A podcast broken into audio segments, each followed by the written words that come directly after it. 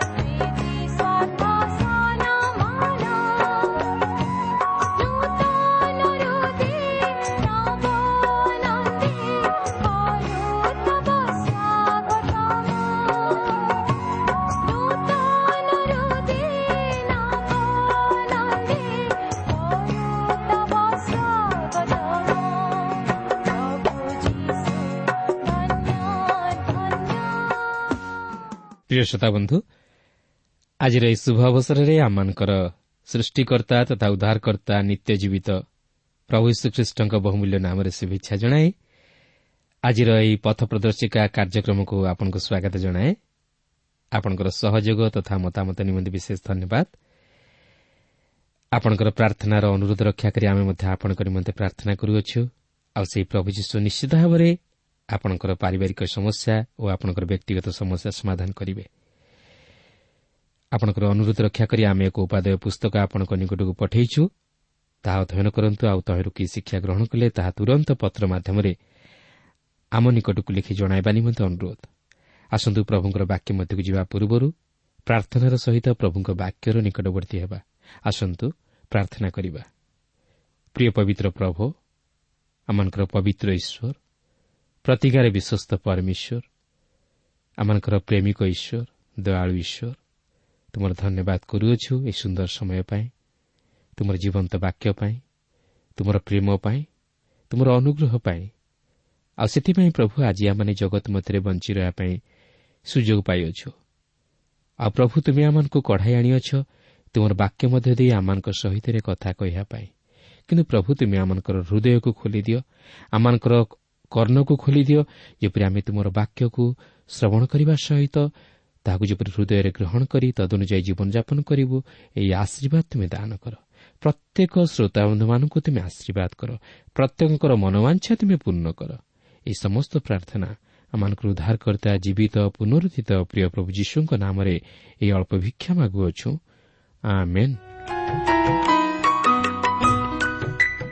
ଆସନ୍ତୁ ବର୍ତ୍ତମାନ ଆମେ ପ୍ରଭୁଙ୍କର ବାକ୍ୟ ମଧ୍ୟକୁ ଯିବା। ଆଜି ଆମେ ରୋମିଓ ଆଠ ପର୍ବର ପ୍ରଥମ ପଦରୁ ଆରମ୍ଭ କରି ତେର ପଦ ପର୍ଯ୍ୟନ୍ତ ଅଧ୍ୟୟନ କରିବା ନିମନ୍ତେ ଯିବା। ମୋର ଅନୁରୋଧ ଆପଣ ଏହି କାର୍ଯ୍ୟକ୍ରମ ଆରମ୍ଭରୁ ଶେଷ ପର୍ଯ୍ୟନ୍ତ ମନୋଯୋଗର ସହିତ ଶୁଣନ୍ତୁ ତାହେଲେ ଆପଣ ପବିତ୍ର ବାଇବଲ୍ ମଧ୍ୟରୁ ଅନେକ ନିଗୁଢ଼ ବିଷୟମାନ ଶିକ୍ଷା କରିବାକୁ ପାରିବେ। ତେବେ ଆଜି ଆମେ ଏହି ରୋମିଓ ଆଠ ପର୍ବରେ ଶକ୍ତିଯୁକ୍ତ ପବିତ୍ରୀକରଣ ବିଷୟ ନେଇ ଲକ୍ଷ୍ୟ କରିବାକୁ ଯିବା। ଏଥିପୂର୍ବରୁ ଆମେ ଦେଖିଥିଲୁ ଏକ ଉଦ୍ଧାରପ୍ରାପ୍ତ ଆତ୍ମାର ହାତକଡ଼ି ହେଉଛି ବ୍ୟବସ୍ଥା ଓ ତାହାର ସଂଘର୍ଷ ହେଉଛି ତାହା ମଧ୍ୟରେ ଥିବା ପୁରାତନ ଓ ନୂତନ ସ୍ୱଭାବ ମଧ୍ୟରେ ଅବିରତ ସଂଘର୍ଷ। ତେଣୁକରି ସେ ଜଣକର ସହାୟତା ଆବଶ୍ୟକ କରେ ଯେ କି ତାହାକୁ ସେହି ପାପର ବନ୍ଧନରୁ ଉଦ୍ଧାର କରି ତାହାର ସେହି ପୁରାତନ ସ୍ୱଭାବ ଉପରେ ବିଜୟୀ ଜୀବନ ଯାପନ କରିବାକୁ ଶକ୍ତି ଓ ସାମର୍ଥ୍ୟତା ପ୍ରଦାନ କରିପାରିବେ।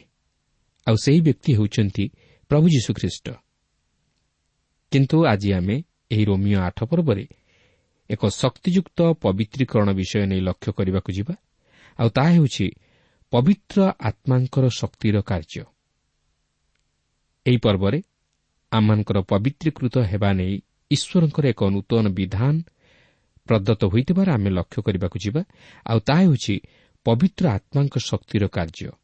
ଯାହାଙ୍କ ସହାୟତା ଦ୍ୱାରା ଜଣେ ଖ୍ରୀଷ୍ଟ ବିଶ୍ୱାସୀ ତାହାର ପୁରାତନ ସ୍ୱଭାବ ଉପରେ ଏକ ବିଜୟୀ ଜୀବନ ଯାପନ କରିବା ନିମନ୍ତେ ସମର୍ଥ ହୋଇପାରେ। ଏହି ପର୍ବଟି ପବିତ୍ରୀକରଣରେ ପବିତ୍ର ଆତ୍ମାଙ୍କ ଶକ୍ତିର କାର୍ଯ୍ୟକୁ ପ୍ରକାଶ କରେ। ଏହି ପର୍ବରେ ପବିତ୍ର ଆତ୍ମାଙ୍କୁ ପ୍ରାୟ ଉଣେଇଶ ଥର ପ୍ରକାଶ କରାଯାଇଅଛି। ଏହିପରି ଭାବରେ ଏହି ପତ୍ର ମଧ୍ୟରେ ଆମେ ତ୍ରିବିଧ ଈଶ୍ୱରଙ୍କର କାର୍ଯ୍ୟକୁ ଲକ୍ଷ୍ୟ କରିବାକୁ ପାରୁଅଛୁ। ରୋମିଓ ପ୍ରଥମ ପର୍ବର ପ୍ରଥମ ପଦରୁ ତିନି ପର୍ବର କୋଡ଼ିଏ ପଦ ପର୍ଯ୍ୟନ୍ତ ସୃଷ୍ଟି ମଧ୍ୟରେ ଆମେ ପିତା ଈଶ୍ୱରଙ୍କର କାର୍ଯ୍ୟକୁ ଲକ୍ଷ୍ୟ କରିବାକୁ ପାରୁଅଛୁ। ଏହାପରେ ରୋମିଓ ତିନି ପର୍ବର ଏକୋଇଶ ପଦରୁ ସାତ ପର୍ବର ପଚିଶ ପଦ ମଧ୍ୟରେ ଆମେ ପରିତ୍ରାଣ ସାଧନରେ ପୁତ୍ର ପ୍ରଭୁ ଯୀଶୁଖ୍ରୀଷ୍ଟଙ୍କର କାର୍ଯ୍ୟକୁ ଲକ୍ଷ୍ୟ କରିବାକୁ ପାରୁ ଓ ରୋମିଓ ଆଠ ପର୍ବର ପ୍ରଥମ ପଦରୁ ଅଣଚାଳିଶ ପଦ ମଧ୍ୟରେ ପବିତ୍ରୀକରଣ ସାଧନରେ ପବିତ୍ର ଆତ୍ମାଙ୍କ ଶକ୍ତିର କାର୍ଯ୍ୟକୁ ଲକ୍ଷ୍ୟ କରିବାକୁ ପାରୁ। ଏଥିପୂର୍ବରୁ ଆମେ ଦେଖିଥିଲୁ ଯେ ମନୁଷ୍ୟ ହୃଦୟର ସେହି ପୁରାତନ ସ୍ୱଭାବରେ କୌଣସି ଉତ୍ତମତା ନାହିଁ। କିମ୍ବା ମନୁଷ୍ୟ ଜୀବନରେ ସେପରି କିଛି ଉତ୍ତମତା ନାହିଁ ଯାହା ଦେଇକି ସେ ଈଶ୍ୱରଙ୍କୁ ସନ୍ତୁଷ୍ଟ କରିପାରେ ବା ଈଶ୍ୱରଙ୍କ ନିମନ୍ତେ ଉତ୍ତମତା ସାଧନ କରିପାରେ। କିନ୍ତୁ ଏଥିସହିତ ମଧ୍ୟ ଜଣେ ଉଦ୍ଧାରପ୍ରାପ୍ତ ପାପୀର ନୂତନ ଜୀବନରେ ସେପରି କୌଣସି ଶକ୍ତି ନାହିଁ। ବା ତାହାର ନୂତନ ସ୍ୱଭାବରେ ସେପରି କିଛି ଶକ୍ତି ନାହିଁ ଯାହାଦ୍ୱାରା କି ସେ ନିଜର ଚେଷ୍ଟାରେ ଈଶ୍ୱରଙ୍କ ନିମନ୍ତେ ପବିତ୍ର ଜୀବନ ଯାପନ କରିପାରେ ବା ଏକ ବାସ୍ତବ ଖ୍ରୀଷ୍ଟୀୟ ଜୀବନ ଯାପନ କରିପାରେ। କାରଣ ସେ ଦୁର୍ବଳ ମନୁଷ୍ୟ ଓ ତାହାର ପୁରାତନ ସ୍ୱଭାବ ତାହାକୁ ଏକ ଖ୍ରୀଷ୍ଟୀୟ ଜୀବନ ଯାପନ କରିବାରେ ପ୍ରତିବନ୍ଧକ ସୃଷ୍ଟି କରେ। ତେଣୁ ଏଥିନିମନ୍ତେ ଏହି ଜଗତରେ ଏକ ବିଜୟୀ ଖ୍ରୀଷ୍ଟୀୟ ଜୀବନ ଯାପନ କରିବାକୁ ହେଲେ ସେ ଜଣଙ୍କର ସହାୟତା ଓ ଶକ୍ତିକୁ ଆବଶ୍ୟକ କରେ। ଆଉ ସେହି ପବିତ୍ରୀକରଣରେ ପବିତ୍ର ଆତ୍ମାଙ୍କର ଶକ୍ତିର କାର୍ଯ୍ୟ ଯେ ନିତାନ୍ତ ଅପରିହାର୍ଯ୍ୟ ତାହା ପାଉଲ ଏଠାରେ ପ୍ରକାଶ କରନ୍ତି। ସେ ନିଜ ଜୀବନର ଅନୁଭୂତି ମଧ୍ୟ ଦେଇ ତାହା ପ୍ରକାଶ କରନ୍ତି। କାରଣ ଏକ ଜୀବନ ଯାହାକି ଈଶ୍ୱରଙ୍କ ସନ୍ତୋଷ ଭାଜନ ହେବାକୁ ଚାହେଁ ତାହା ପବିତ୍ର ଆତ୍ମାଙ୍କ ଶକ୍ତିରେ ପରିଚାଳିତ ହେବା ଆବଶ୍ୟକ। ଏପରିକି ପାଉଲ ସେହି ଏଫିସିଓ ମଣ୍ଡଳୀର ବିଶ୍ୱାସୀମାନଙ୍କ ନିକଟକୁ ଏହିପରି ଲେଖନ୍ତି ଯାହାକି ଏଫିସିଓ ପାଞ୍ଚ ପର୍ବର ଅଠର ପଦରେ ଲେଖା ଅଛି ଆଉ ଦ୍ରାକ୍ଷାରସରେ ମତ ନ ହୁଅ ସେଥିରୁ ତ ଅତ୍ୟାଚାର ଜନ୍ମେ। ମାତ୍ର ଆତ୍ମାରେ ପୂର୍ଣ୍ଣ ହୋଇ ଗୀତ ସ୍ତୋତ୍ର ଓ ଆଧ୍ୟାତ୍ମିକ ସଂକୀର୍ତ୍ତନ ଦ୍ୱାରା ପରସ୍ପରକୁ ଉତ୍ସାହ ଦିଅ। ତେଣୁ ପବିତ୍ରୀକରଣର କାର୍ଯ୍ୟ ହେଉଛି ପବିତ୍ର ଆତ୍ମାଙ୍କର କାର୍ଯ୍ୟ। ପବିତ୍ର ଆତ୍ମା ଜଣେ ପୁନର୍ଜନ୍ମ ଲାଭ କରିଥିବା ବିଶ୍ୱାସୀର ହୃଦୟରେ ତାହା ସାଧନ କରନ୍ତି ଓ ତାହାକୁ ସେହି ପାପର କବଳରୁ ଉଦ୍ଧାର କରି ଏପରିକି ସେହି ପାପର ଉପସ୍ଥିତିରୁ ଉଦ୍ଧାର କରି ତାହାର ଜୀବନରେ ଈଶ୍ୱରଙ୍କର ଇଚ୍ଛା ତଥା ଅଭିମତକୁ ସଫଳ କରାନ୍ତି। ଯଦ୍ୱାରା ସେହି ଖ୍ରୀଷ୍ଟ ବିଶ୍ୱାସୀ ଏକ ପବିତ୍ର ଜୀବନ ବା ଏକ ଖ୍ରୀଷ୍ଟୀୟ ଜୀବନଯାପନ କରିବା ନିମନ୍ତେ ସମର୍ଥ ହୋଇଥାଏ। ଏହି ଆଠ ପର୍ବର ପ୍ରଥମ ଏଗାରଟି ପଦ ମଧ୍ୟରେ ପାପ ଓ ମୃତ୍ୟୁ ଉପରେ ପବିତ୍ର ଆତ୍ମାଙ୍କର ଜୟଲାଭର ବିଷୟକୁ ପ୍ରକାଶ କରିବାକୁ ଯାଇ ଗୋଡେଥ୍ ଏକ ସାମଞ୍ଜସ୍ୟତା ପ୍ରତିପାଦିତ କରାନ୍ତି। ଏହାପରେ ରୋମିଓ ଆଠ ପର୍ବର ପ୍ରଥମ ପଦରେ ଏହିପରି ଲେଖା ଅଛି ଅତଏବ ଯେଉଁମାନେ ଖ୍ରୀଷ୍ଟ ଯୀଶୁଙ୍କଠାରେ ଅଛନ୍ତି ସେମାନଙ୍କ ପ୍ରତି ବର୍ତ୍ତମାନ କୌଣସି ଦଣ୍ଡାଜ୍ଞା ନାହିଁ। ଏଠାରେ ପାଉଲ ପ୍ରକାଶ କରନ୍ତି ସେମାନଙ୍କ ପ୍ରତି କୌଣସି ଦଣ୍ଡାଜ୍ଞା ନାହିଁ ଯେଉଁମାନେ କି ଖ୍ରୀଷ୍ଟ ଯୀଶୁଙ୍କଠାରେ ଅଛନ୍ତି। ଅନ୍ୟ ଅର୍ଥରେ କହିବାକୁ ଗଲେ ଏହା ହିଁ ଥିଲା ପାଉଲଙ୍କ ବିଫଳତାର ଅନୁଭୂତିର ସାକ୍ଷ୍ୟ ଯାହାକି ସେ ସାତ ପର୍ବରେ ଅନୁଭବ କରିଥିଲେ କିନ୍ତୁ ଏହା ସତ୍ତ୍ୱେ ସେ ତାଙ୍କର ପରିତ୍ରାଣକୁ ହରାଇ ନଥିଲେ।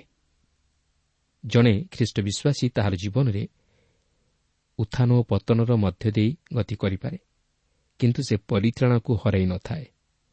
କାରଣ ଯେଉଁମାନେ ଖ୍ରୀଷ୍ଟ ଯୀଶୁଙ୍କଠାରେ ଥାନ୍ତି ସେମାନଙ୍କ ପ୍ରତି କୌଣସି ଦଣ୍ଡାଜ୍ଞା ନାହିଁ। କିନ୍ତୁ ସେ ଯାହା ହେଉନା କାହିଁକି ଜଣେ ଖ୍ରୀଷ୍ଟ ବିଶ୍ୱାସୀ ଯେତେବେଳେ ବିଫଳତାର ସମ୍ମୁଖୀନ ହୁଏ ସେତେବେଳେ ସେ ଖ୍ରୀଷ୍ଟୀୟ ଜୀବନର ବାସ୍ତବ ଶାନ୍ତି ତଥା ଆନନ୍ଦକୁ ସେ ଉପଭୋଗ କରିପାରି ନଥାଏ। କିନ୍ତୁ ତଥାପି ଈଶ୍ୱର ତାହାକୁ ସେହି ଶାନ୍ତି ତଥା ଆନନ୍ଦ ଦେବାକୁ ଚାହିଁଥାନ୍ତି। କିନ୍ତୁ କିପରି? ଦେଖନ୍ତୁ ପରବର୍ତ୍ତୀ ପଦରେ ଏହିପରି ଲେଖା ଅଛି। ଆଠ ପର୍ବର ଦୁଇ ପଦରେ ଲେଖା ଅଛି। କାରଣ ଜୀବନଦାୟକ ଆତ୍ମାଙ୍କ ବ୍ୟବସ୍ଥା ଖ୍ରୀଷ୍ଟ ଯୀଶୁଙ୍କ ସହଭାଗିତାରେ ତୁମ୍ଭକୁ ପାପ ଓ ମୃତ୍ୟୁଦାୟକ ବ୍ୟବସ୍ଥାରୁ ମୁକ୍ତ କରିଅଛି। ଏହା ଅତି ଗୁରୁତ୍ୱପୂର୍ଣ୍ଣ ବିଷୟ। ଯେଉଁମାନେ ଖ୍ରୀଷ୍ଟ ଯୀଶୁଙ୍କଠାରେ ଥାନ୍ତି ସେହି ପବିତ୍ର ଆତ୍ମା ସେମାନଙ୍କ ଅନ୍ତରରେ କାର୍ଯ୍ୟ ସାଧନ କରି ସେମାନଙ୍କୁ ପାପ ଓ ମୃତ୍ୟୁଦାୟକ ବ୍ୟବସ୍ଥାରୁ ମୁକ୍ତ କରି ଜୀବନ ପ୍ରଦାନ କରନ୍ତି। ଯଦ୍ୱାରା ସେମାନେ ଆତ୍ମିକ ଜୀବନରେ ମୃତ ନ ହୋଇ ଖ୍ରୀଷ୍ଟ ଯୀଶୁଙ୍କ ଜୀବନରେ ଜୀବିତ ହୁଅନ୍ତି। ସେହି ଆତ୍ମା ହେଉଛନ୍ତି ସେହି ଜୀବନଦାୟକ ଆତ୍ମା ଯିଏକି ଜୀବନ ପ୍ରଦାନ କରନ୍ତି। କାରଣ ସେ ହିଁ ହେଉଛନ୍ତି ଜୀବନ। ଆଉ ସେ ତାହା ଖ୍ରୀଷ୍ଟ ଯୀଶୁଙ୍କ ସହଭାଗିତାରେ ସାଧନ କରନ୍ତି। ଏହାର ଅର୍ଥ ସେହି ପବିତ୍ର ଆତ୍ମା ଖ୍ରୀଷ୍ଟଙ୍କ ସହିତ ପୁରାପୁରି ସଂଯୁକ୍ତ ଅଟନ୍ତି। ଓ ଯେତେବେଳେ ଜଣେ ଖ୍ରୀଷ୍ଟ ବିଶ୍ୱାସୀ ଖ୍ରୀଷ୍ଟଙ୍କ ଜୀବନର ଅଂଶୀ ହୁଅନ୍ତି ସେତେବେଳେ ସେହି ପବିତ୍ର ଆତ୍ମା ତାହାକୁ ମୁକ୍ତ କରନ୍ତି। ଅର୍ଥାତ୍ ସେହି ପବିତ୍ର ଆତ୍ମା ସେହି ଖ୍ରୀଷ୍ଟ ବିଶ୍ୱାସୀର ପୁରାତନ ସ୍ୱଭାବ ଉପରେ ବିଜୟୀ ଜୀବନଯାପନ କରିବାକୁ ଶକ୍ତି ପ୍ରଦାନ କରି ତାହାକୁ ସେହି ପାପର ବନ୍ଧନରୁ ମୁକ୍ତ କରି ତାହାର ନୂତନ ସ୍ୱଭାବରେ ଆଚରଣ କରିବାକୁ ଶକ୍ତି ପ୍ରଦାନ କରନ୍ତି। କାରଣ ସେହି ପବିତ୍ର ଆତ୍ମା ତାହାର ସେହି ନୂତନ ସ୍ୱଭାବ ଉପରେ କର୍ତ୍ତୃତ୍ୱ କରନ୍ତି ଯେଉଁ ଜୀବନ କି ଖ୍ରୀଷ୍ଟଙ୍କ ଜୀବନ ସହିତ ସମ୍ପୂର୍ଣ୍ଣ ସଂଯୁକ୍ତ। ରୋମିଓ ସାତ ପର୍ବରେ ଯିଏକି ମୃତ୍ୟୁର ଶରୀର ସହ ସଂଯୁକ୍ତ ହୋଇଥିଲେ ବର୍ତ୍ତମାନ ଏହି ଆଠ ପର୍ବରେ ମଧ୍ୟ ସେ ଜୀବନ୍ତ ଖ୍ରୀଷ୍ଟଙ୍କ ସହିତ ସଂଯୁକ୍ତ। ଆଠ ପର୍ବର ତିନି ଓ ଚାରିପଦରେ ଲେଖା ଅଛି ଯେଣୁ ଶରୀର ସକାଶେ ଦୁର୍ବଳ ହେବାରୁ ବ୍ୟବସ୍ଥା ଯାହା ସାଧନ କରିପାରିଲା ନାହିଁ ତାହା ଈଶ୍ୱର ଆପଣା ପୁତ୍ରଙ୍କୁ ପାପମୟ ଶରୀରର ସାଦୃଶ୍ୟରେ ପାପ ବିନାଶ ନିମନ୍ତେ ପ୍ରେରଣ କରି ଶରୀରରେ ପାପକୁ ଦଣ୍ଡାଜ୍ଞା ଦେବା ଦ୍ୱାରା କଲେ। ଯେପରି ଶାରୀରିକ ଭାବାନୁସାରେ ଆଚରଣ ନ କରି ଆତ୍ମିକ ଭାବାନୁସାରେ ଆଚରଣ କରିଥାଉ ଯେ ଆମ୍ଭେମାନେ ଆମ୍ଭମାନଙ୍କଠାରେ ବ୍ୟବସ୍ଥାର ଧର୍ମବିଧି ସଫଳ ହୁଏ। ପାଉଲ ଏଠାରେ କହିବାକୁ ଚାହାନ୍ତି ଯେ ମନୁଷ୍ୟର ଶାରୀରିକ ଦୁର୍ବଳତା ହେତୁ ବ୍ୟବସ୍ଥା ଯାହା ସାଧନ କରିପାରିଲା ନାହିଁ ଅର୍ଥାତ୍ ଧାର୍ମିକତା ସାଧନ କରିପାରିଲା ନାହିଁ ସେହି ଧାର୍ମିକତା ସାଧନ କରିବା ନିମନ୍ତେ ଈଶ୍ୱର ପ୍ରଭୁ ଯୀଶୁଖ୍ରୀଷ୍ଟଙ୍କୁ ଏହି ଜଗତକୁ ପଠାଇ ଖ୍ରୀଷ୍ଟଙ୍କ ମାଧ୍ୟମରେ ସେହି ଧାର୍ମିକତା ସାଧନ କଲେ ଯିଏକି ବ୍ୟବସ୍ଥା ଅନୁଯାୟୀ ସମସ୍ତ ଧର୍ମକର୍ମ ସାଧନ କରି ଶରୀରରେ ପାପକୁ ବିନାଶ କଲେ ଅର୍ଥାତ୍ ସେହି କୃଷରେ ସମସ୍ତ ପାପକୁ ହତ କଲେ। ଯେପରି ତାହାଙ୍କ ଧାର୍ମିକତା ଦ୍ୱାରା ଆମ୍ଭେମାନେ ଧାର୍ମିକ ବୋଲି ଗଣିତ ହେବାକୁ ପାରୁ ଓ ସେହି ବ୍ୟବସ୍ଥାର ଧାର୍ମିକତା ଆମ୍ଭମାନଙ୍କ ମଧ୍ୟରେ ସଫଳ ହେବାକୁ ପାରେ। କିନ୍ତୁ ତାହା ସେହିମାନଙ୍କ ପ୍ରତି ସଫଳ ହୁଏ ଯେଉଁମାନେ ଶାରୀରିକ ଭାବାନୁସାରେ ଆଚରଣ ନ କରି ପବିତ୍ର ଆତ୍ମାଙ୍କର ଭାବାନୁସାରେ ଆଚରଣ କରନ୍ତି ଓ ପବିତ୍ର ଆତ୍ମାଙ୍କର ନିର୍ଦ୍ଦେଶରେ ପରିଚାଳିତ ହୁଅନ୍ତି। କାରଣ ଜଣେ ଖ୍ରୀଷ୍ଟ ବିଶ୍ୱାସୀ ଖ୍ରୀଷ୍ଟଙ୍କ ସହିତ ସଂଯୁକ୍ତ ହେବା ଦ୍ୱାରା ସେ ପବିତ୍ର ଆତ୍ମାଙ୍କ ମଧ୍ୟ ଦେଇ ତାହାର ଅନ୍ତରରେ କାର୍ଯ୍ୟ ସାଧନ କରନ୍ତି ଓ ସେହି ପବିତ୍ର ଆତ୍ମା ତାହାକୁ ସେହି ପାପର ବନ୍ଧନରୁ ମୁକ୍ତ କରନ୍ତି। ଏହାପରେ ଆଠ ପର୍ବର ପାଞ୍ଚ ପଦରେ ଲେଖା ଅଛି କାରଣ ଯେଉଁମାନେ ଶାରୀରିକ ମନା ସେମାନେ ଶାରୀରିକ ବିଷୟରେ ମନୋଯୋଗ କରନ୍ତି କିନ୍ତୁ ଯେଉଁମାନେ ଆତ୍ମିକ ମନା ସେମାନେ ଆତ୍ମିକ ବିଷୟରେ ମନୋଯୋଗ କରନ୍ତି। ଏହି ଅଂଶରେ ଆମେ ଏକ ନୂତନ ସଂଘର୍ଷ ବିଷୟ ଲକ୍ଷ୍ୟ କରିବାକୁ ପାରୁଅଛୁ ଯାହାକି ଆମମାନଙ୍କୁ ଯୁଦ୍ଧ କରିବାକୁ ପଡ଼େ ନାହିଁ କେବଳ ଆମମାନଙ୍କ ମଧ୍ୟରେ ଥିବା ସେହି ନୂତନ ସ୍ୱଭାବକୁ ଯୁଦ୍ଧ କରିବାକୁ ପଡ଼େ ନାହିଁ କିନ୍ତୁ ପବିତ୍ର ଆତ୍ମା ଶରୀର ବିରୁଦ୍ଧରେ ଯୁଦ୍ଧ କରନ୍ତି। ଅର୍ଥାତ୍ ପବିତ୍ର ଆତ୍ମା ଆମମାନଙ୍କ ମଧ୍ୟରେ ଥିବା ସେହି ପୁରାତନ ସ୍ୱଭାବ ବିରୁଦ୍ଧରେ ଯୁଦ୍ଧ କରନ୍ତି।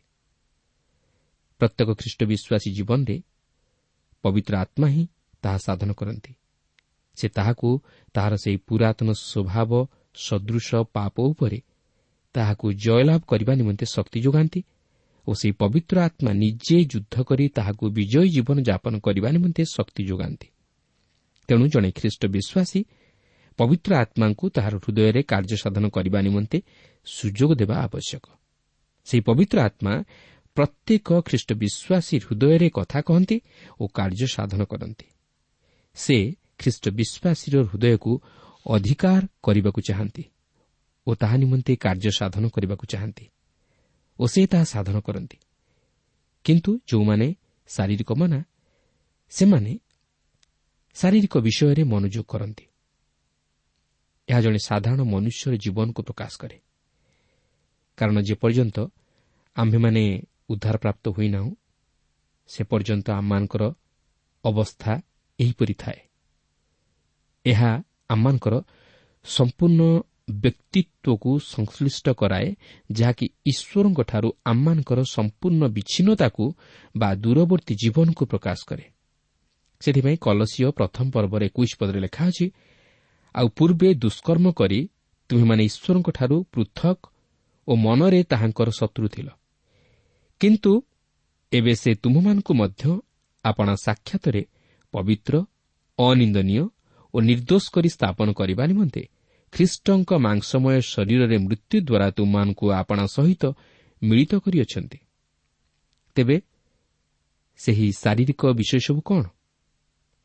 ଗାଲାତୀୟ ପାଞ୍ଚ ପର୍ବର ଉଣେଇଶରୁ ଏକୋଇଶ ପଦରେ ଲେଖା ଅଛି। ଶରୀରର କାର୍ଯ୍ୟଗୁଡ଼ାକ ତ ସ୍ପଷ୍ଟ ରୂପେ ଜଣା। ବ୍ୟଭିଚାର ଅସୁଚିତା କାମୁକତା ପ୍ରତିମା ପୂଜା କୁହୁକ ଶତ୍ରୁତା ବିବାଦ ଦ୍ୱେଷ କ୍ରୋଧ ସ୍ୱାର୍ଥପରତା ଦଳଭେଦ ମତଭେଦ ଈର୍ଷା ମତତା ରଙ୍ଗରସ ଇତ୍ୟାଦି ପ୍ରକାର କର୍ମଗୁଡ଼ାକ। ତେଣୁକରି ସେଥିପାଇଁ କଲସୀୟ ତିନି ପର୍ବର ଆଠ ଓ ନଅ ପଦରେ ସାଧୁ ପାଉଲ ଏହିପରି ପ୍ରକାଶ କରନ୍ତି କିନ୍ତୁ ଏବେ ତୁମ୍ଭେମାନେ ମଧ୍ୟ ଏହିସବୁ ବିଷୟ ଅର୍ଥାତ୍ କ୍ରୋଧ ରାଗ ହିଂସା ନିନ୍ଦା ମୁଖରୁ କୁଶ୍ଚିତ ବାକ୍ୟ ଏହିସବୁ ପରିତ୍ୟାଗ କର ପରସ୍ପର ମିଥ୍ୟା କୁହ ନାହିଁ? ତୁମେମାନେ ତ ପୁରାତନ ସ୍ୱଭାବ ଓ ସେଥିର ସମସ୍ତ କର୍ମ ପରିତ୍ୟାଗ କରି ନୂତନ ସ୍ୱଭାବ ପରିଧାନ କରିଅଛ। ଏହା କହିବା ହୁଏତ ଅପମାନଜନକ ବିଷୟ ହୋଇପାରେ ମାତ୍ର ଏହା ସତ୍ୟ ଯେ ଈଶ୍ୱରଙ୍କ ସନ୍ତାନ ବା ଜଣେ ଉଦ୍ଧାରପ୍ରାପ୍ତ ଖ୍ରୀଷ୍ଟ ବିଶ୍ୱାସୀର ଜୀବନରେ ସେହି ପୁରାତନ ସ୍ୱଭାବ ବା ସେହି ଆଦମଙ୍କ ପାପର ସ୍ୱଭାବ ସ୍ଥାନ ପାଇଥାଏ। ଏହାର ଅର୍ଥ ଶାରୀରିକ ଜୀବନରେ ବିଫଳତା ଓ ମୃତ୍ୟୁ ସୁନିଶ୍ଚିତ। କିନ୍ତୁ କୌଣସି ଉଦ୍ଧାରପ୍ରାପ୍ତ ଖ୍ରୀଷ୍ଟ ବିଶ୍ୱାସୀ କେବେ ହେଲେ ତାହାର ଶାରୀରିକ ସ୍ୱଭାବ ଅନୁସାରେ ଜୀବନଯାପନ କରିବାକୁ ପସନ୍ଦ କରିବ ନାହିଁ କି ସୁଖରେ ଜୀବନ ଅତିବାହିତ କରିପାରିବ ନାହିଁ। ସେ ହୁଏତ ପାପରେ ପଡ଼ିପାରେ ମାତ୍ର ସେ ସେହି ପାପରେ ଜୀବନ ଅତିବାହିତ କରିବାକୁ ଚାହିଁବ ନାହିଁ। ମାତ୍ର ତହିଁରୁ ଉଦ୍ଧାର ପାଇ ଈଶ୍ୱରଙ୍କ ନିକଟକୁ ଫେରି ଆସିବାକୁ ଚେଷ୍ଟା କରିବ। କିନ୍ତୁ ସେ ନିଜର ଶକ୍ତିରେ ତହିଁରୁ ଉଦ୍ଧାର ପାଇପାରିବ ନାହିଁ। ମାତ୍ର ପବିତ୍ର ଆତ୍ମାଙ୍କ ଶକ୍ତିରେ ତହିଁରୁ ଉଦ୍ଧାର ପାଇପାରିବ। ଏହି ସମସ୍ତ ଶାରୀରିକ ସ୍ୱଭାବ ଜଣେ ଖ୍ରୀଷ୍ଟ ବିଶ୍ୱାସୀର ଜୀବନରେ ଦେଖା ଦେଇପାରେ। କିନ୍ତୁ ଆପଣ ଓ ମୁଁ ଆମେ କେବେ ହେଲେ ନିଜ ଶକ୍ତିରେ ସେହି ସମସ୍ତ ବିଷୟ ଉପରେ ଜୟୀ ହୋଇପାରିବା ନାହିଁ। କିନ୍ତୁ ଆମେ ଯଦି ସେହି ପବିତ୍ର ଆତ୍ମାକୁ ଆମମାନଙ୍କ ଅନ୍ତରରେ କାର୍ଯ୍ୟ ସାଧନ କରିବାକୁ ସୁଯୋଗ ଦେଲେ ସେ ଆମମାନଙ୍କୁ ଏକ ବିଜୟୀ ଜୀବନଯାପନ କରିବା ନିମନ୍ତେ ସାହାଯ୍ୟ କରିବେ ଓ ଆମ୍ଭମାନଙ୍କ ନୂତନ ସ୍ୱଭାବରେ ଏକ ନୂତନ ପରିବର୍ତ୍ତନ ପରିଲକ୍ଷିତ ହେବ ଓ ସେହି ସମସ୍ତ ଆତ୍ମାଙ୍କ ଫଳ ପ୍ରକାଶ ପାଇବ। ଅର୍ଥାତ୍ ପ୍ରେମ ଆନନ୍ଦ ଶାନ୍ତି ଦୀର୍ଘ ସହିଷ୍ଣୁତା ପରୋପକାରିତା ଭଦ୍ରତା ବିଶ୍ୱସ୍ତତା ମୃଦୁତା ଓ ଆତ୍ମସଂଯମ ଇତ୍ୟାଦି। ସେଥିପାଇଁ ସାଧୁ ପାଉଲ କଲସୀୟ ତିନି ପର୍ବର ବାରପଦରେ ଏହିପରି ପ୍ରକାଶ କରନ୍ତି ଅତଏବ ଈଶ୍ୱରଙ୍କ ମନୋନୀତ ସାଧୁ ଓ ପ୍ରିୟ ଲୋକ ହୋଇ କୋମଳ ହୃଦୟ ଦୟା ନମ୍ରତା ମୃଦୁତା ଓ ଦୀର୍ଘ ସହିଷ୍ଣୁତା ପରିଧାନ କର। କିନ୍ତୁ ଏହା କେବଳ ସେହି ପବିତ୍ର ଆତ୍ମାଙ୍କର ସହାୟତା ଦ୍ୱାରା ସାଧିତ ହୋଇପାରିବ। ଏହାପରେ ଆଠ ପର୍ବର ଛଅ ପଦରେ ଆମେ ଆଉ ଏକ ନିୟମ ଲକ୍ଷ୍ୟ କରୁଅଛୁ। କାରଣ ଶାରୀରିକ ଭାବ ମୃତ୍ୟୁଜନକ କିନ୍ତୁ ଆତ୍ମିକ ଭାବ ଜୀବନ ଓ ଶାନ୍ତିଦାୟକ। ଲେଖା ଅଛି କାରଣ ଶାରୀରିକ ଭାବ ମୃତ୍ୟୁଜନକ। ଏହାର ଅର୍ଥ ଆପଣ ଶାରୀରିକ ସ୍ୱଭାବ ଅନୁଯାୟୀ ଆଚରଣ କରିବା ଦ୍ୱାରା ଈଶ୍ୱରଙ୍କ ସହଭାଗିତାରୁ ବିଚ୍ଛିନ୍ନ ହୋଇଅଛନ୍ତି ଓ ଆପଣ ଶରୀରରେ ମୃତ୍ୟୁବରଣ କରିଅଛନ୍ତି। କିନ୍ତୁ ଯେଉଁ ପବିତ୍ର ଆତ୍ମା ବିଶ୍ୱାସୀର ହୃଦୟରେ ବାସ କରନ୍ତି। ସେ ତାହାର ଜୀବନରେ ଜୀବନ ଓ ଶାନ୍ତି ପ୍ରଦାନ କରନ୍ତି। ତେଣୁ ଯେତେବେଳେ ଆମେ ପାପ କରୁ ଆମେ ଅନୁତାପର ସହିତ ପ୍ରଭୁ ଯୀଶୁଙ୍କର ନିକଟବର୍ତ୍ତୀ ହେବା ଉଚିତ ତାହେଲେ ସେ ପବିତ୍ର ଆତ୍ମାଙ୍କ ଦ୍ୱାରା ଆମମାନଙ୍କ ହୃଦୟରେ କାର୍ଯ୍ୟ ସାଧନ କରିବେ ଯଦ୍ୱାରା ଆମେ ସେହି ପବିତ୍ର ଆତ୍ମାଙ୍କ ଚାଳନାରେ ପରିଚାଳିତ ହେବା ଦ୍ୱାରା ସେହି ବାସ୍ତବ ଖ୍ରୀଷ୍ଟୀୟ ଜୀବନଯାପନ କରିବା ସହିତ ଶାନ୍ତି ପାଇପାରିବା। ଏହାପରେ ଆଠ ପର୍ବର ସାତ ଓ ଆଠ ପଦରେ ଲେଖା ଅଛି ଯେଣୁ ଶାରୀରିକ ଭାବ ଈଶ୍ୱରଙ୍କ ବିରୁଦ୍ଧରେ ଶତ୍ରୁତା କାରଣ ତାହା ଈଶ୍ୱରଙ୍କ ବ୍ୟବସ୍ଥାର ବଶୀଭୂତ ନୁହେଁ ପୁଣି ବଶୀଭୂତ ହେବା ଅସମ୍ଭବ। ଯେଉଁମାନେ ଶରୀରର ବଶରେ ଅଛନ୍ତି ସେମାନେ ଈଶ୍ୱରଙ୍କର ସନ୍ତୋଷ ପାତ୍ର ହୋଇପାରନ୍ତି ନାହିଁ। ଏଥିରୁ ଆପଣ ଅନୁମାନ କରିପାରୁଥିବେ ଶାରୀରିକ ସ୍ୱଭାବ ଅନୁଯାୟୀ ଯେଉଁମାନେ ଆଚରଣ କରନ୍ତି ସେମାନେ କେତେଦୂର ଈଶ୍ୱରଙ୍କର ବିଦ୍ରୋହାଚରଣ କରନ୍ତି। ସେ କେବଳ ପାପ ଓ ଅପରାଧରେ ମୃତ ହୁଏ ନାହିଁ ମାତ୍ର ଈଶ୍ୱରଙ୍କ ବିରୁଦ୍ଧରେ ଯାଇ ତାହାଙ୍କ ଆଜ୍ଞାର ବିଦ୍ରୋହାଚରଣ କରେ। ସେମାନେ ଈଶ୍ୱରଙ୍କୁ ସନ୍ତୁଷ୍ଟ କରିବାକୁ ଇଚ୍ଛା କରି ବିଭିନ୍ନ ପ୍ରକାର ଦାନଧର୍ମ ତଥା ଉପାୟ ଅବଲମ୍ବନ କରନ୍ତି ମାତ୍ର ସେମାନେ ଈଶ୍ୱରଙ୍କୁ ସନ୍ତୁଷ୍ଟ କରିପାରନ୍ତି ନାହିଁ। ଯେହେତୁ ସେମାନେ ଶାରୀରିକ ସ୍ୱଭାବ ଅନୁଯାୟୀ ଆଚରଣ କରି ଈଶ୍ୱରଙ୍କର ବଶୀଭୂତ ହୋଇପାରନ୍ତି ନାହିଁ। କାରଣ ଯେଉଁମାନେ ଶାରୀରିକ ସ୍ୱଭାବର ବଶବର୍ତ୍ତୀ ହୋଇଥାନ୍ତି ସେମାନେ ଈଶ୍ୱରଙ୍କର ବଶବର୍ତ୍ତୀ ହୋଇପାରନ୍ତି ନାହିଁ। ତେଣୁକରି ସେମାନେ ଈଶ୍ୱରଙ୍କ ଉଦ୍ଦେଶ୍ୟରେ ଯାହା କିଛି ଉତ୍ସର୍ଗ କରିଥାନ୍ତି ବା ସାଧନ କରିଥାନ୍ତି ତାହା ମଧ୍ୟ ଈଶ୍ୱରଙ୍କ ଦ୍ୱାରା ଗ୍ରହଣଯୋଗ୍ୟ ନୁହେଁ। କିନ୍ତୁ ତଥାପି ଈଶ୍ୱରଙ୍କ ଆତ୍ମାଙ୍କଠାରେ ଏକ ଉଦ୍ଧାରର ପଥ ରହିଅଛି। ଯଦି ଆମେ ପବିତ୍ର ଆତ୍ମାଙ୍କୁ ନିଜ ହୃଦୟ ମଧ୍ୟରେ କାର୍ଯ୍ୟ ସାଧନ କରିବା ନିମନ୍ତେ ସୁଯୋଗ ଦେବା ଓ ନିଜର ସୁବିବେଚନାରେ ଆଉ ଯିଏ ନ ପଡ଼ି ପବିତ୍ର ଆତ୍ମାଙ୍କ ଉପରେ ନିର୍ଭର କରିବା ତାହେଲେ ଆମେ ନିଜର ଦୁର୍ବଳତା ସବୁକୁ ଜାଣିପାରିବା। ଆଉ ତାହା ଜାଣିପାରିବା ଦ୍ୱାରା ସେହି ପବିତ୍ର ଆତ୍ମାଙ୍କର ଶକ୍ତି ତଥା ସହାୟତାକୁ ଆବଶ୍ୟକ କରିବା। ଫଳରେ ସେ ଆମମାନଙ୍କୁ ସାହାଯ୍ୟ କରିବେ ଓ ଈଶ୍ୱରଙ୍କ ଅଭିମତ ଅନୁଯାୟୀ ସମସ୍ତ ବିଷୟ ସାଧନ କରିବା ନିମନ୍ତେ ଶକ୍ତି ଦେବେ। କିନ୍ତୁ ଆମେ କ'ଣ ସେହି ପବିତ୍ର ଆତ୍ମାଙ୍କର ଚାଳନା ଅନୁଯାୟୀ କାର୍ଯ୍ୟ କରିବାକୁ ପ୍ରସ୍ତୁତ କି? ଆଠ ପର୍ବର ନଅ ପଦରେ ଲେଖା ଅଛି କିନ୍ତୁ ଈଶ୍ୱରଙ୍କ ଆତ୍ମା ଯଦି ତୁମମାନଙ୍କଠାରେ ବାସ କରନ୍ତି ତାହେଲେ ତୁମେମାନେ ଶରୀରର ବଶରେ ନାହଁ ମାତ୍ର ଆତ୍ମାଙ୍କ ବଶରେ ଅଛ। ଯଦି କେହି ଖ୍ରୀଷ୍ଟଙ୍କ ଆତ୍ମା ପାଇନଥାଏ ତେବେ ସେ ତାହାଙ୍କର ନୁହେଁ। ବାସ୍ତବରେ ଜଣେ ବାସ୍ତବ ପୁନର୍ଜନ୍ମ ପ୍ରାପ୍ତ ବିଶ୍ୱାସୀ ବା ପ୍ରକୃତ ଖ୍ରୀଷ୍ଟ ବିଶ୍ୱାସୀର ଚିହ୍ନ ହେଉଛି ପବିତ୍ର ଆତ୍ମାଙ୍କ ଦ୍ୱାରା ପରିପୂର୍ଣ୍ଣ ହେବା ଓ ତାହାଙ୍କ ଚାଳନା ଦ୍ୱାରା ପରିଚାଳିତ ହେବା। କିନ୍ତୁ ଏହି ସମସ୍ତ ବିଷୟ ଜଣେ ବାସ୍ତବ ଖ୍ରୀଷ୍ଟ ବିଶ୍ୱାସୀ ଉପଲବ୍ଧି କରିଥାଏ ଖ୍ରୀଷ୍ଟଙ୍କ ମଧ୍ୟ ଦେଇ ସେ ସେହି ଈଶ୍ୱରଙ୍କ ଆତ୍ମା ବା ପବିତ୍ର ଆତ୍ମାଙ୍କୁ ପ୍ରାପ୍ତ ହୋଇଥାଏ।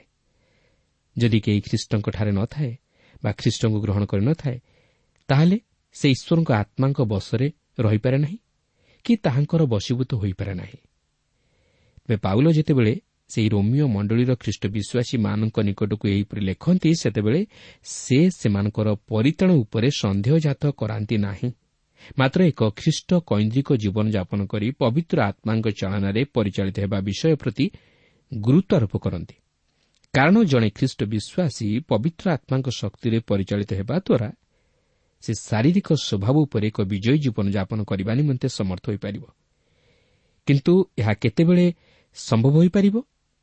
ଯେତେବେଳେ ଜଣେ ଖ୍ରୀଷ୍ଟ ବିଶ୍ୱାସୀ ଖ୍ରୀଷ୍ଟଙ୍କୁ ଗ୍ରହଣ କରି ତାହାଙ୍କ ସହ ସଂଯୁକ୍ତ ହେବ ଏହାପରେ ଆଠ ପର୍ବର ଦଶ ପଦରୁ ଏଗାର ପଦରେ ଲେଖା ଅଛି କିନ୍ତୁ ଯଦି ଖ୍ରୀଷ୍ଟ ତୁମାନଙ୍କଠାରେ ଥାଆନ୍ତି ତାହେଲେ ଶରୀର ପାପ ହେତୁ ମୃତ ଅଟେ ମାତ୍ର ଆତ୍ମା ଧାର୍ମିକତା ହେତୁ ଜୀବିତ ଅଟେ। ଆଉ ଯେ ମୃତମାନଙ୍କ ମଧ୍ୟରୁ ଯୀଶୁଙ୍କୁ ଉଠାଇଲେ ତାହାଙ୍କର ଆତ୍ମା ଯଦି ତୁମାନଙ୍କଠାରେ ବାସ କରନ୍ତି ତେବେ ଯେ ମୃତମାନଙ୍କ ମଧ୍ୟରୁ ଖ୍ରୀଷ୍ଟ ଯୀଶୁଙ୍କୁ ଉଠାଇଲେ ସେ ତୁମାନଙ୍କଠାରେ ବାସ କରୁଥିବା ଆପଣ ଆତ୍ମାଙ୍କ ଦ୍ୱାରା ତୁମାନଙ୍କ ମର୍ତ୍ତ୍ୟ ଶରୀରକୁ ମଧ୍ୟ ଜୀବିତ କରିବେ। ଏହା ହେଉଛି ଗୁଢ଼ ରହସ୍ୟ। ଜଣେ ଖ୍ରୀଷ୍ଟ ବିଶ୍ୱାସୀ ଖ୍ରୀଷ୍ଟଙ୍କଠାରେ ସଂଯୁକ୍ତ ଜୀବନଯାପନ କରିବା ଦ୍ୱାରା ସେ ପାପ ପ୍ରତି ମୃତ ହୋଇ ଧର୍ମରେ ଜୀବିତ ହୁଏ। କାରଣ ସେ ଖ୍ରୀଷ୍ଟଙ୍କ ଧାର୍ମିକତାର ଅଂଶୀ ହୁଏ। କେବଳ ସେତିକି ନୁହେଁ ସେହି ଧାର୍ମିକତା ଲାଗି ପବିତ୍ର ଆତ୍ମାଙ୍କ ଦ୍ୱାରା ସେ ଆତ୍ମିକ ଜୀବନରେ ଜୀବିତ ହୁଏ। କିନ୍ତୁ ସେ ଯାଉନା କାହିଁକି? ସେହି ପବିତ୍ର ଆତ୍ମା ହିଁ ଆମମାନଙ୍କର ସାନ୍ତ୍ୱନାଦାୟକ ଯେହେତୁ ଆମମାନଙ୍କର ଶରୀର ମୃତ୍ୟୁରୁ ପୁନରୁଦ୍ଧିତ ହେବ। କାରଣ ଖ୍ରୀଷ୍ଟ ମୃତ୍ୟୁକୁ ଜୟ କରି ଉଠିଥିବାରୁ ଆମମାନେ ମଧ୍ୟ ମୃତ୍ୟୁରୁ ପୁନରୁଦ୍ଧିତ ହେବା ଓ ସେହି ପବିତ୍ର ଆତ୍ମା ଆମମାନଙ୍କୁ ଏହି ମୃତ୍ୟୁର ଶରୀରରୁ ଉଦ୍ଧାର କରିବେ ଅର୍ଥାତ୍ ଆମମାନଙ୍କ ପୁରାତନ ସ୍ୱଭାବ ଦ୍ୱାରା ମୃତ ହୋଇଥିବା ମର ଶରୀରକୁ ସଜୀବ କରାଇବେ ଓ ସେହି ଅନନ୍ତ ଜୀବନରେ ପ୍ରବେଶ କରାଇବେ। ଏହାପରେ ବାର ଓ ତେର ପଦରେ ଲେଖା ଅଛି ଅତଏବ ହେ ଭାଇମାନେ ଆମମାନେ ଋଣୀ କିନ୍ତୁ ଶାରୀରିକ ଭାବାନୁସାରେ ଜୀବନଯାପନ କରିବାକୁ ଶରୀର ନିକଟରେ ନୁହେଁ। କାରଣ ଯଦି ଶାରୀରିକ ଭାବାନୁସାରେ ତୁମେମାନେ ଜୀବନଯାପନ କର ତେବେ ଅବଶ୍ୟ ମରିବ। କିନ୍ତୁ ଯଦି ଆତ୍ମାଙ୍କ ଦ୍ୱାରା ତୁମେମାନେ ଶରୀରର କର୍ମ ସବୁକୁ ବିନାଶ କର ତେବେ ଜୀବିତ ହେବ। ପ୍ରିୟ ବନ୍ଧୁ ଯଦି ଆମେ ବାସ୍ତବରେ ବଞ୍ଚିବାକୁ ଚାହୁଁ ତାହେଲେ ଆମମାନଙ୍କୁ ସେହି ପବିତ୍ର ଆତ୍ମାଙ୍କର ବଶୀଭୂତ ହୋଇ ତାହାଙ୍କର ଚାଳନାରେ ପରିଚାଳିତ ହେବାକୁ ହେବ। କାରଣ ଆମେ ନିଜ ଶକ୍ତିରେ ଏହି ଜଗତକୁ ବା ଆମମାନଙ୍କର ପୁରାତନ ସ୍ୱଭାବକୁ ଜୟ କରିପାରିବା ନାହିଁ। କିନ୍ତୁ ପବିତ୍ର ଆତ୍ମାଙ୍କ ଶକ୍ତିରେ ଆଉ ତାହା କେବଳ ଖ୍ରୀଷ୍ଟଙ୍କଠାରେ ସଂଯୁକ୍ତ ଜୀବନଯାପନ କରିବା ଦ୍ୱାରା ସମ୍ଭବ ହୋଇପାରିବ। ତେଣୁ ଆସୁ ସେହି ଖ୍ରୀଷ୍ଟଙ୍କଠାରେ ସଂଯୁକ୍ତ ଜୀବନଯାପନ କରି ପବିତ୍ର ଆତ୍ମାଙ୍କ ଶକ୍ତିରେ ପରିଚାଳିତ ହୋଇ ଏକ ବାସ୍ତବ ଖ୍ରୀଷ୍ଟୀୟ ଜୀବନଯାପନ କରିବାକୁ ଚେଷ୍ଟା କରୁ। ଯେପରି ଆମେ ପାପରେ ବିନଷ୍ଟ ନ ହୋଇ ଧର୍ମରେ ଜୀବିତ ହେବାକୁ ପାରୁ ଓ ମୃତ୍ୟୁରୁ ପୁନରୁଦ୍ଧିତ ହୋଇ ସେହି ଅନନ୍ତ ରାଜ୍ୟରେ ପ୍ରବେଶ କରି ସ୍ୱର୍ଗୀୟ ସୁଖ ଶାନ୍ତି ଓ ବିଭବର ଅଧିକାରୀ ହେବାକୁ ପାରୁ। ପ୍ରଭୁ ପ୍ରତ୍ୟେକଙ୍କୁ ଆଶୀର୍ବାଦ କରନ୍ତୁ।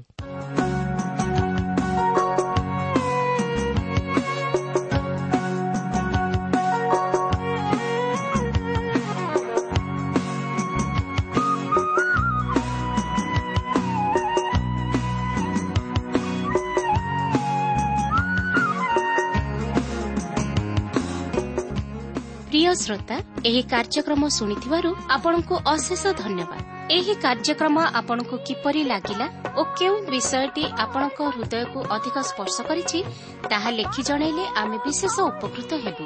ଯଦି କିଛି ପ୍ରଶ୍ନ ବା ସନ୍ଦେହ ଥାଏ ତାହା ପତ୍ର ମାଧ୍ୟମରେ ଅଥବା ଟେଲିଫୋନ୍ ଯୋଗେ ଆମକୁ ଜଣାନ୍ତୁ। ଆମର ଠିକଣା ପଥ ପ୍ରଦର୍ଶିକା Trans World Radio India post box number ତିନି ତିନି ଭୁବନେଶ୍ୱର ସାତ ପାଞ୍ଚ ଏକ ଶୂନ ଶୂନ ଏକ। Mobile number nine seven double seven double two one four one five ଠିକଣାଟି ଆଉଥରେ ଶୁଣନ୍ତୁ। ପଥ ପ୍ରଦର୍ଶିକା Trans World Radio India post box number three three Bhubaneswar seven five one zero zero one mobile number nine seven double seven double two one four one five ଆମର email ଆଡ୍ରେସ୍ଟି ଲେଖି ରଖନ୍ତୁ Odia TTV at radio eight eight two dot com ତେବେ ଆଜି ପାଇଁ ଏଠାରେ ରଖୁଛୁ। ନମସ୍କାର।